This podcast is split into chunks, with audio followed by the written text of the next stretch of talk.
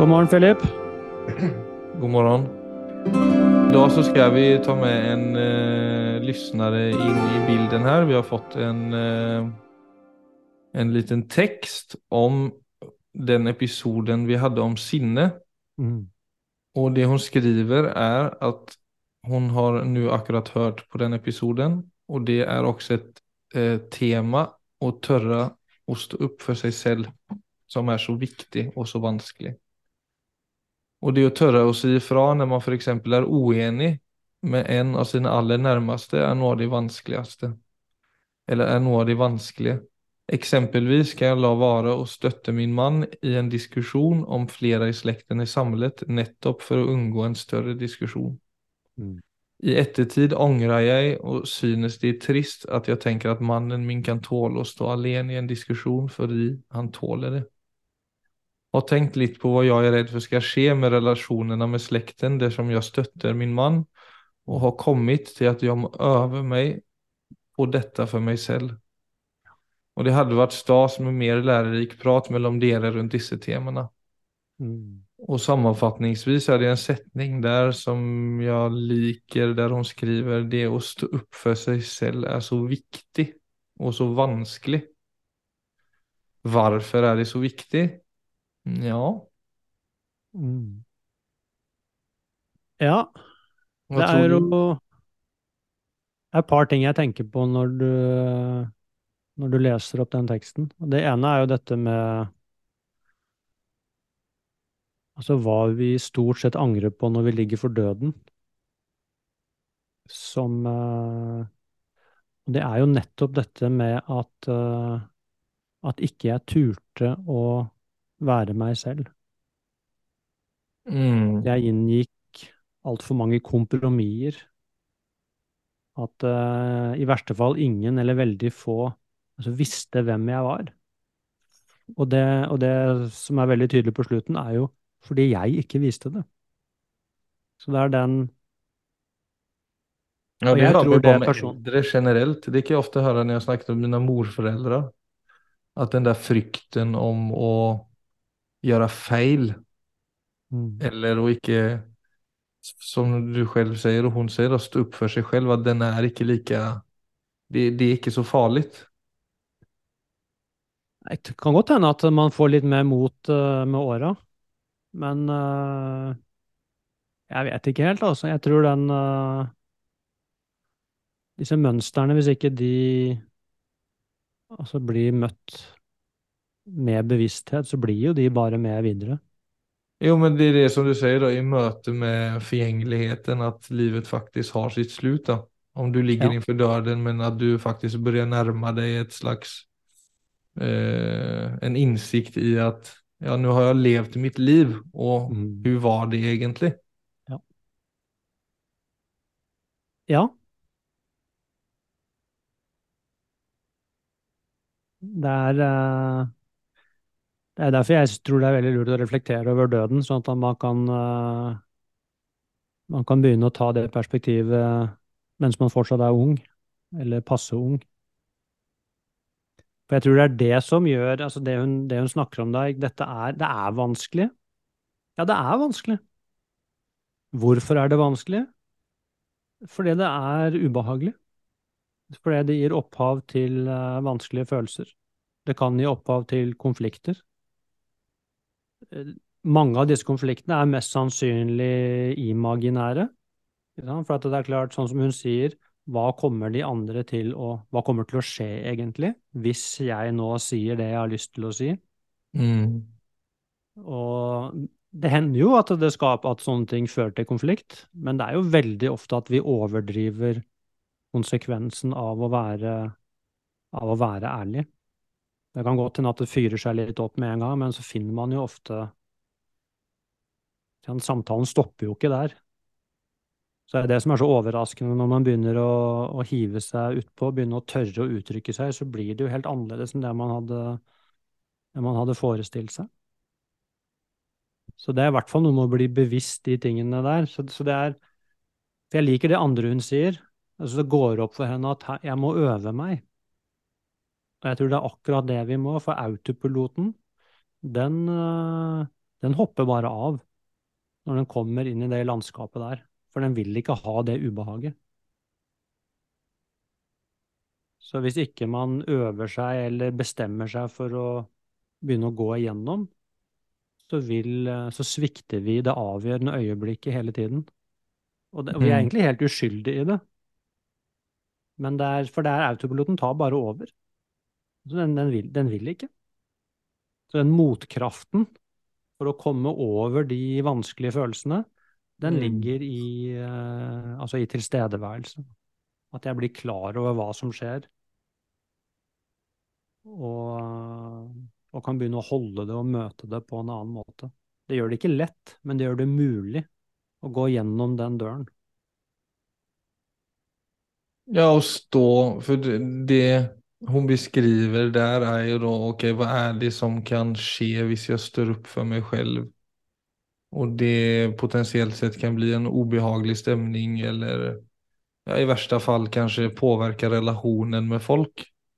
Ja. Jag tänker så som om du ikke ser til konflikt, men altså du kan, man kan säga stå opp for seg selv, men vi kan også snakke om å være seg selv da. Å være seg selv som i seg kan gjøre det lettere å stå opp for seg själv. För det gäller ju bara sociala sammanhang generellt sett.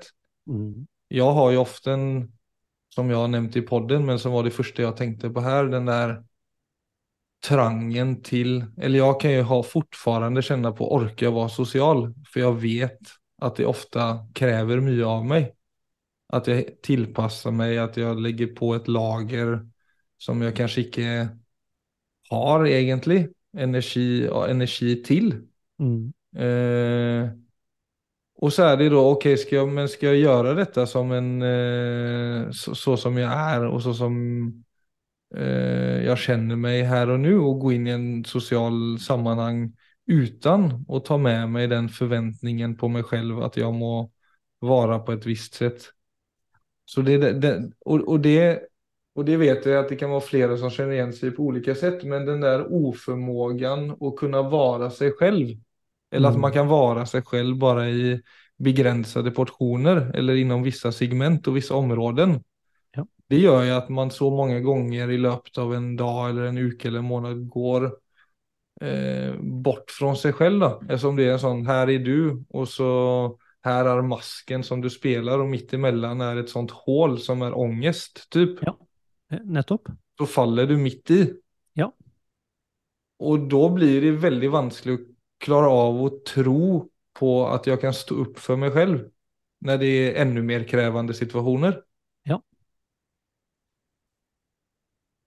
Ja, kanskje det blir litt vanskelig nå. Nei, veldig, jeg syns det var kjempefint, Ja. jeg tror det, er- for der illustrerer du akkurat det som er problemet. Altså uansett i hvilken setting det er, så vil du si Altså når vi forteller uh, til oss selv og andre hva vårt problem er, så vil jo det være Det kan jo være hundretusenvis av forskjellige scenarioer, men følelsene er de samme. Så det er akkurat det rommet i midten der, og det rommet er jo av frykt. Altså uro, ubehag. Det knyter seg i magen. Men Vi kan Mm. også sette mange forskjellige ord på det, men det er egentlig det samme ubehaget som skjer. Og vi må inn i det rommet for å vinne oss selv.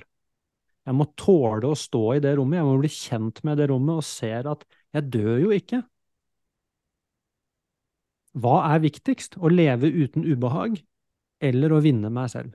Og hvis du vil vinne deg selv, så må du inn i det rommet. Det er en ganske sånn sober up. For da kommer ofte motet og Mm. kraften til å si ja, men da får jeg gå, da.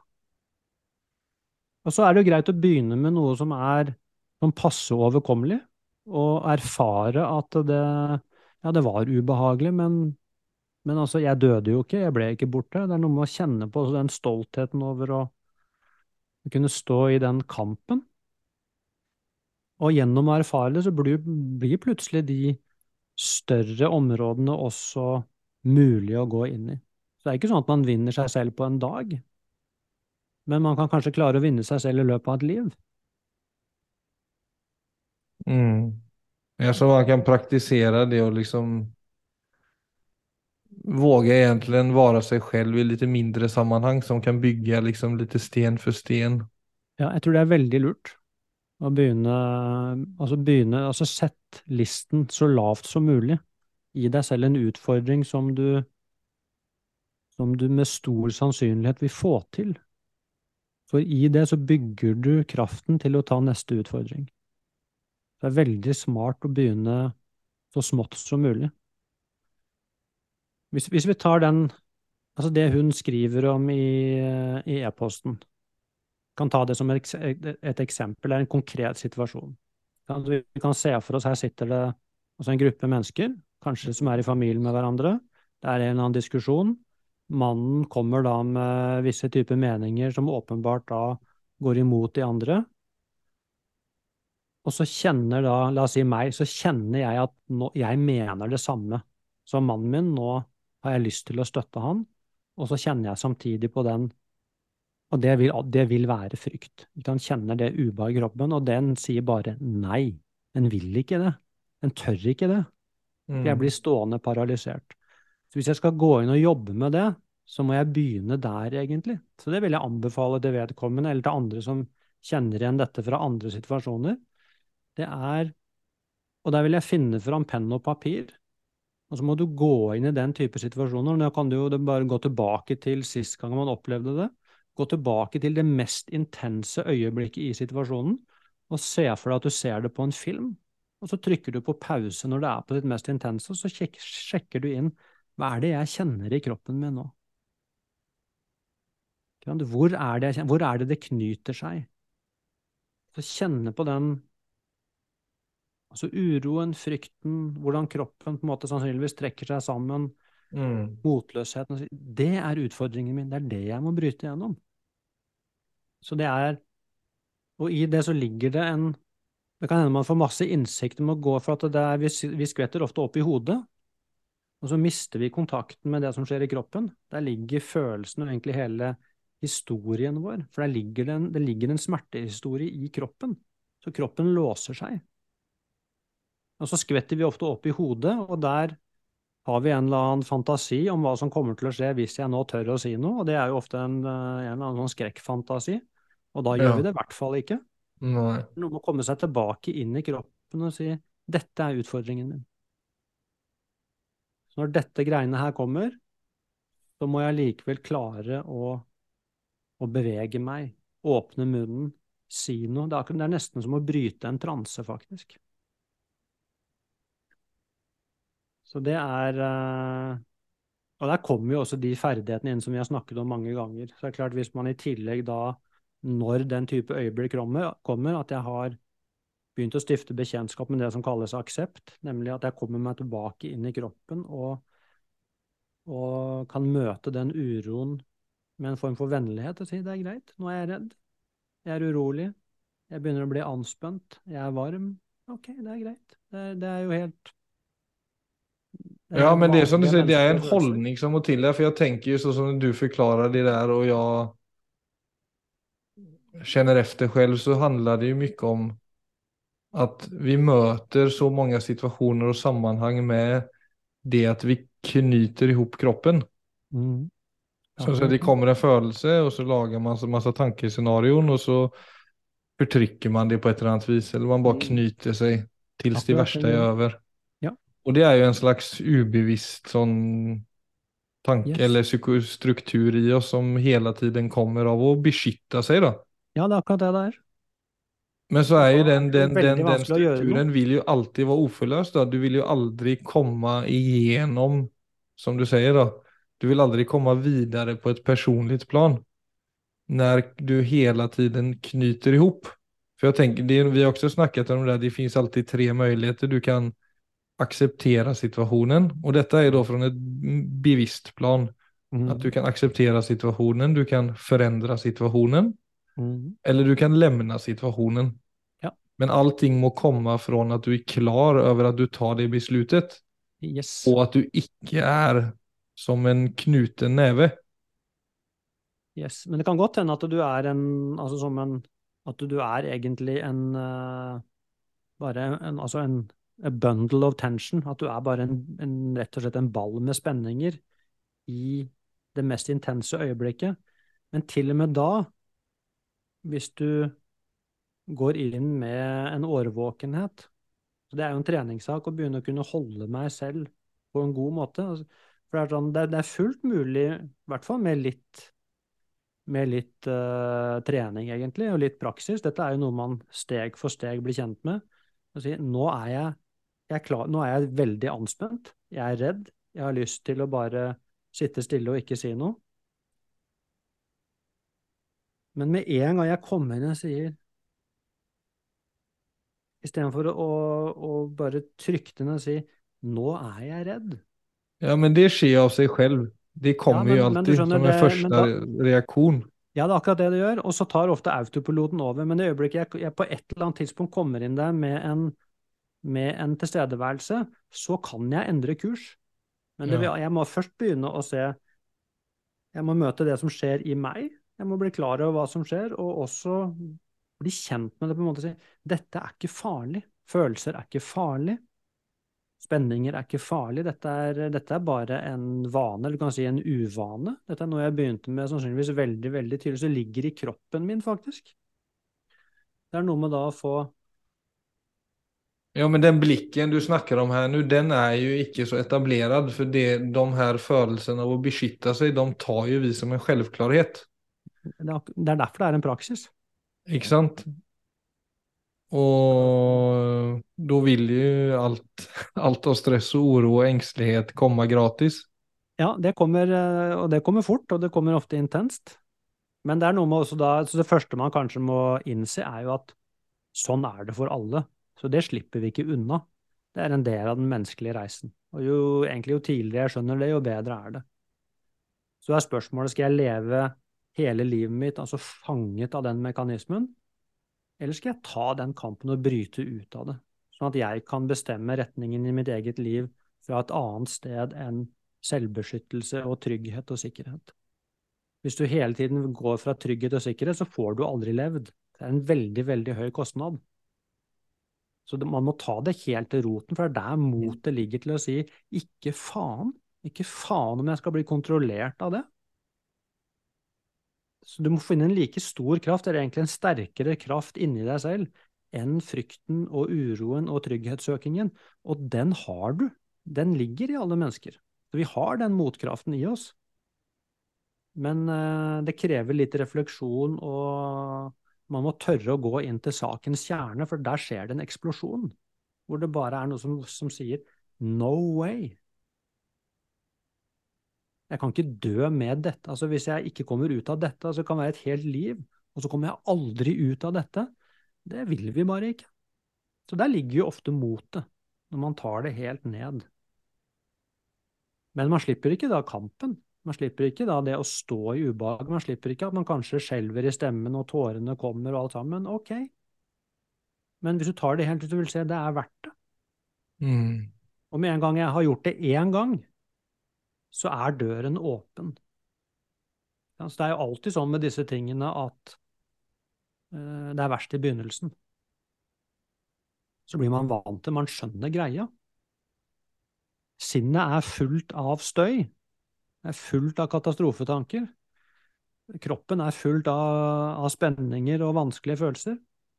Men etter hvert kan jeg lære meg å holde, meg, holde de tingene Ja, så mye det farger tilværelsen. Jeg tenker på det, jeg hadde, jeg hørte en sånn, jeg leste en bok en gang om, om at eh, det siste avtrykket du gjør etter et møte med et menneske, det er det folk husker.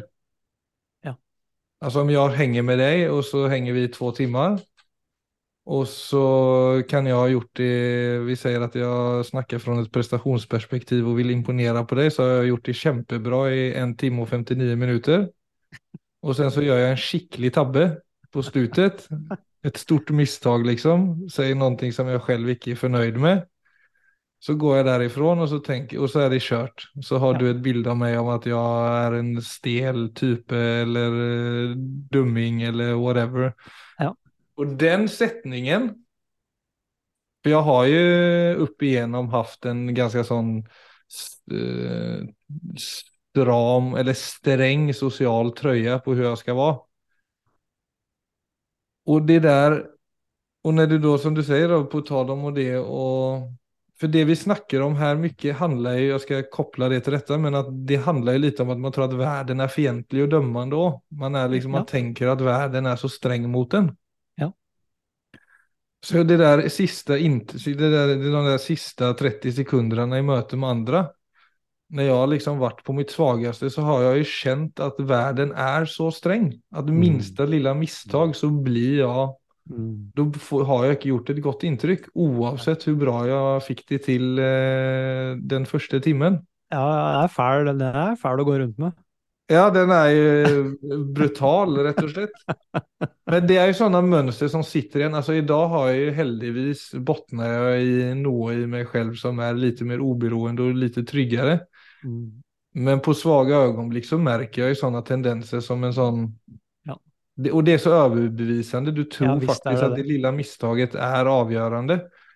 Og. Så er, det, så er jo folk så ubalanserte, og vi snakker om at folk er overstimulerte, og sansene är överstimulerade och folk känner på tomhet och rastlöshet och mye følelser. Så og da kan man jo igjen gå inn i födelsen, men kanskje folk er så ubalanserte, at folk er så dømmende og usikre selv at, man at det bare er vanskelig da, å være social, At det er vanskelig å eh, binde nære, gode relationer.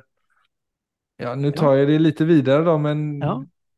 Återigen den där födelsen då, för det handlar ju så väldigt när man bara tar det från ens egna perspektiv och så snackar man från bägges perspektiv jag snackar om nu, desto viktigare då, oberoende av hur obalanserat allt måtte vara, Mm. så är det ju bara det du säger som man kan faktiskt göra noe med. Det er akkurat det. Da Eh, kan man kutte gjennom sant, alle de fantasiene og mulighetene og scenarioene, og så kan man holde seg til det eneste man faktisk har kontroll på, som er min egen handling. Og den kan enten være i samsvar med, altså med det jeg står for, eller jeg kan ta på meg en maske. Og jeg vil måtte bære konsekvensen av det. Så hva andre syns om meg i etterkant, det har jeg null kontroll på. Så, så der kan jeg lage endeløse scenarioer oppi hodet mitt, men altså til syvende og sist er det bare spekulasjon. Så, så på et eller annet tidspunkt, og det blir jo egentlig veldig, hvis man går ned den veien og virkelig reflekterer, så blir det jo veldig, veldig tydelig at det, det eneste farbare alternativet er jo å være ekte. mm. Også for de som liker meg når jeg er meg, de går jeg sammen med. Og de som foretrekker at jeg er falsk eller tar på meg en maske, de er det kanskje da bedre å skille lag med. Ja, og samtidig, hvis du får applaud av å være på en viss måte så må du liksom gjøre det samme neste gang igjen. Og det er veldig krevende. Du blir fanget av det. Ja, du, og du tror, du tror jo aldri at den du er, er nok. Nei, det er mareritt å gå ned den veien der. Men, men igjen, så, vi, vi snakker jo om altså noe av det vanskeligste for oss mennesker akkurat nå. Så det, så, er, så det er klart, vi kan godt si at disse prinsippene er relativt enkle, men, men selvfølgelig altså den ja, herregud. det som dukker opp i oss, altså, og som er følelser, de følelsesmessige hindringene er selvfølgelig enorme barrierer. Men, øh, men altså for meg så er det sånn Det er utrolig viktig å hele tiden minne om å ta det perspektivet at ja, dette er vanskelig, og det er mulig.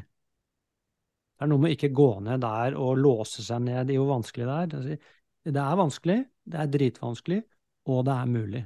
Jeg har det som trengs i meg for å vinne over disse hindringene. Altså, det er det man må løfte fram hele tiden. Det er ikke noe vits i å grave seg ned. Livet er vanskelig, men jeg trenger ikke grave meg ned i det. For da, da jeg gjør ikke meg selv en tjeneste der. Det er, det er jo den mo motkraften vi også har, ved å bruke sinnene våre, oppmerksomheten vår, på en måte hvor Mm. altså, Hold fram lyset. Ja. Hold fram håpet. Hold fram mulighetene. Det, det, det handler ikke da om å late som om eh, utfordring ikke er der, men jeg må holde fram min egen styrke til å stå i det. Og den, eh, også den stoltheten som dukker opp i etterkant. Da blir det som du sa, ikke nok før du skrudde på mikrofonen, men dette er Altså, hvis man lever bevisst, så vil vanskeligheter vil bli til læring. Mm. Og da får man i hvert fall det igjen for det. Istedenfor at vanskelighetene bare ble til smerte, så fikk jeg i hvert fall nye erfaringer gjennom det. Ja, det var det jeg tyckte var så intressant, for jeg hørte jo det fra en podcast, at hvis du lever Eller han, han, han bare förklarade fra sitt perspektiv, at det var, så, det var så dumt at både positiva og negativa hendelser på sikt blir negativt. ja, då. For at positiva ting vil bare liksom skapa en følelse av at noe har vært bra som du ikke lenger har. Mm. Kort fortalt. Og negative ting vil bare gi negative utslag. Ja. tenkte jeg sånn, ja det er jo helt riktig det.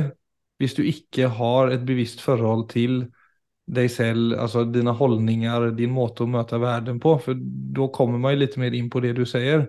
Og, men da må man også tro på at det er noe grunnleggende i oss mennesker som faktisk er lite mer eh, rotfast enn de der eh, psyk känslomässiga stormarna som bare kretser hele tiden. Men jeg tror alle kan kjenne igjen seg i det når man kjenner at man har god kontakt med seg selv.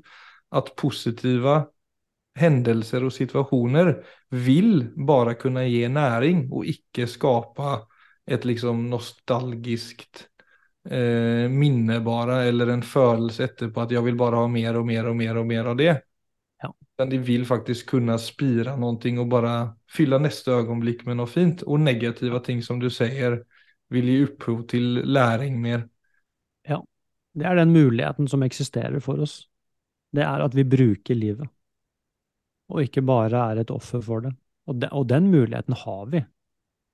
Men, eh, men, det er klart, hvis du følger autopiloten, så blir du fort sånn som han sa i podkasten. Akkurat som om uh,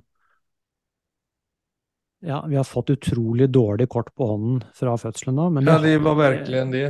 Og det var begge to nikket jo bare enig at å, fytti rakkeren, altså. Det var, det var en dårlig hand. Og, som, og, det var jo det, der stoppet jo det samtalet. Ja, dessverre. Og da ble jeg helt ivrig, for jeg stakk på en løptur sen, og når jeg kom tilbake så skrev jeg tre A4-sider om be, leve bevisst og leve ubevisst. Ja, veldig bra. Det, ja, for det er det, det, er, det er det, som blir den naturlige responsen. Det er et veldig godt eksempel, Philip, for at når du hører sånne ting, da, så blir du ivrig. For du får lyst til å, du får lyst til å rekke opp hånda og si ja, men har dere tenkt på dette? Ja, og det, og det, er klart, da har det blitt aktivert også i ditt eget liv. Så når disse tingene skjer, så er du der med et annet mindset. Mm. Og som du godt vet, så tar jo ikke det bort livets problemer, men det det gjør, er at man kan bruke de problemene på en annen måte enn å bare bli et offer. Mm. Det kan brukes til vekst. Og så er det jo da dette, og det er jo også en veldig Men det er en interessant sånn refleksjonsting, for dette med at positive opplevelser litt i etterkant altså bare går over til lengsel. Ja. Så da blir jo ja, Det var det jeg synes, det var jo veldig morsomt når han sa det. Jo, men det er, jeg tror det er uh,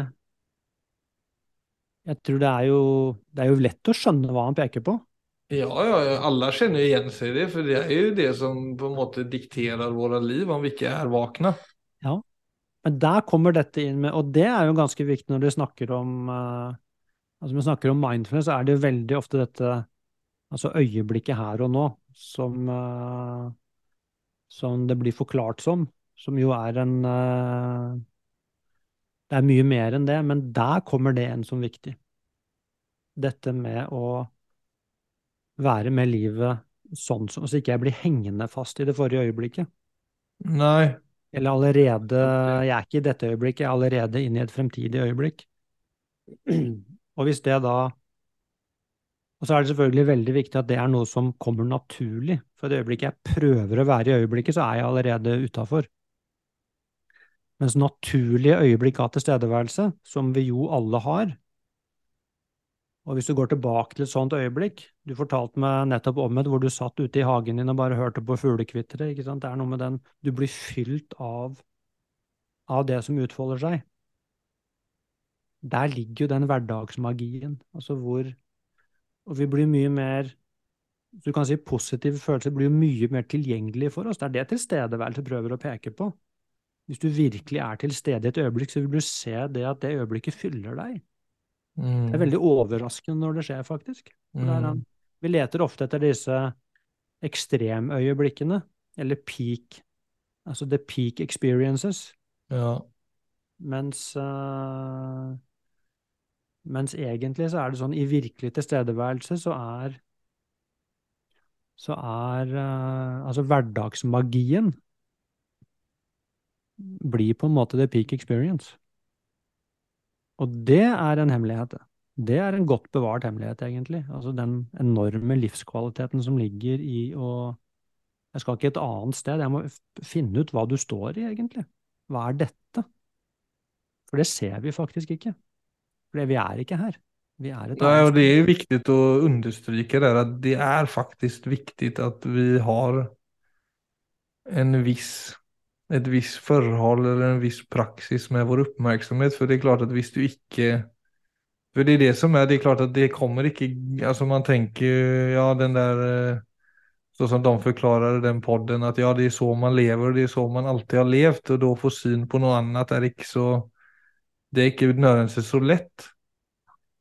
Eller at det, det er ingenting som kommer av seg selv nødvendigvis. Nei. Det, alt det du beskriver der, det, det er jo ikke tilgjengelig for det moderne mennesket nå.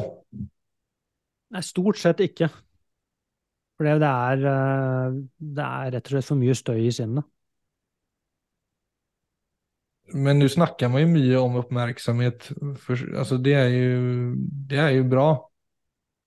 Eh, men samtidig tenker jag, ja, låt det få bli en dialog og låt det få bli noe som folk faktisk bør undersøke på ordentlig. For det er jo det er jævlig tråkigt å liksom gå rundt i livet og kjenne på at det var bedre før, eller at i framtiden er det bedre enn her og nå. Ja. Det er som, what's the point? Ja. Og så, så finnes det så mye livskvalitet i det som man jo da i mindfulness snakker om å være til stede i øyeblikket, som også blir liksom lattliggjort ibland. Ja, men som folk skjønner, ikke forstår. Ja, nei, jeg, jeg skjønner det, for jeg husker hvis akkurat det du sa nå, når jeg kjenner på det altså som meg selv i dag, så så kjenner jeg Jeg kjenner jo bare at du sier en dyp sannhet, men jeg husker jo når jeg selv begynte med dette. Og hvis jeg hadde hørt det samme da, at det er Altså, du må komme her og nå, så ville jeg tenkt, ja, men så ville jeg jo For min erfaring var jo, ja, men akkurat nå så er ikke livet mitt bra. Mm. Klarte ikke, jeg klarte ikke eh, føle hva den setningen pekte på, for jeg var for mye i hodet mitt. Mm. Så jeg gikk inn i, altså i dette øyeblikket, men fra narrativet mitt, altså at mitt, at livet mitt var fullt av mangler. Så, jeg, oi, så tok oi, oi. meg, det tok meg jo egentlig ti år å forstå hva den setningen prøvde å peke på. Og det kan vi i hvert fall legge inn som en eh, Jag altså vet at att det kan vara, det. jo men det var också som jag hade en vän som, ja men jag är ju i ögonblicket nu, nu står jag och tänker att här, nu står jag här och ska diska. Och så står jag och diskar. ja, det er akkurat det. Alltså det kan för, ja, det, det är inte, det är inte bara lätt att förstå kanske. Nei. Men jeg tror eh, Men det er i hvert fall greit at vi Men det är därför det är bra att man snackar om uppmärksamhet, att det är en ting och tankar är en ting. Alltså man börjar ju ändå liksom börja, börja vad ska man säga, spe, spena ut i litt. Ja. Och det kräver en viss uppmärksamhet för att kunna ha det gott här och nu. Och det är väl så enkelt som det. Ja. Det er Uh... ja, Igjen, da, så er prinsippene enkle, men altså for de, for de fleste av oss så er det Det er en, rett og slett en jobb som må gjøres. Altså dette med Hvis man ønsker å leve med tilstedeværelse, med litt avstand til sitt eget sinn, med evnen til å kunne akseptere alt det som romsterer i kropp og sinn, så er det akkurat som kondisjonstrening eller å opprettholde kjernemuskulatur. Det er noe som må jobbes med hele tiden. Men hvis man gjør jobben, så har man det når man trenger det. Det, er, det, prinsippet er jo også relativt enkelt. Yes, boks. En siste uke i Italien for deg, og så tilbake til norsk mark. Ja. Det, var, eh, det har vært fint i Italia, og det blir fint å komme hjem. Fikse litt i hagen? Jeg gleder meg, altså. Ok, Viggo, da skal vi si takk. Ja, takk for i dag. Takk for i dag.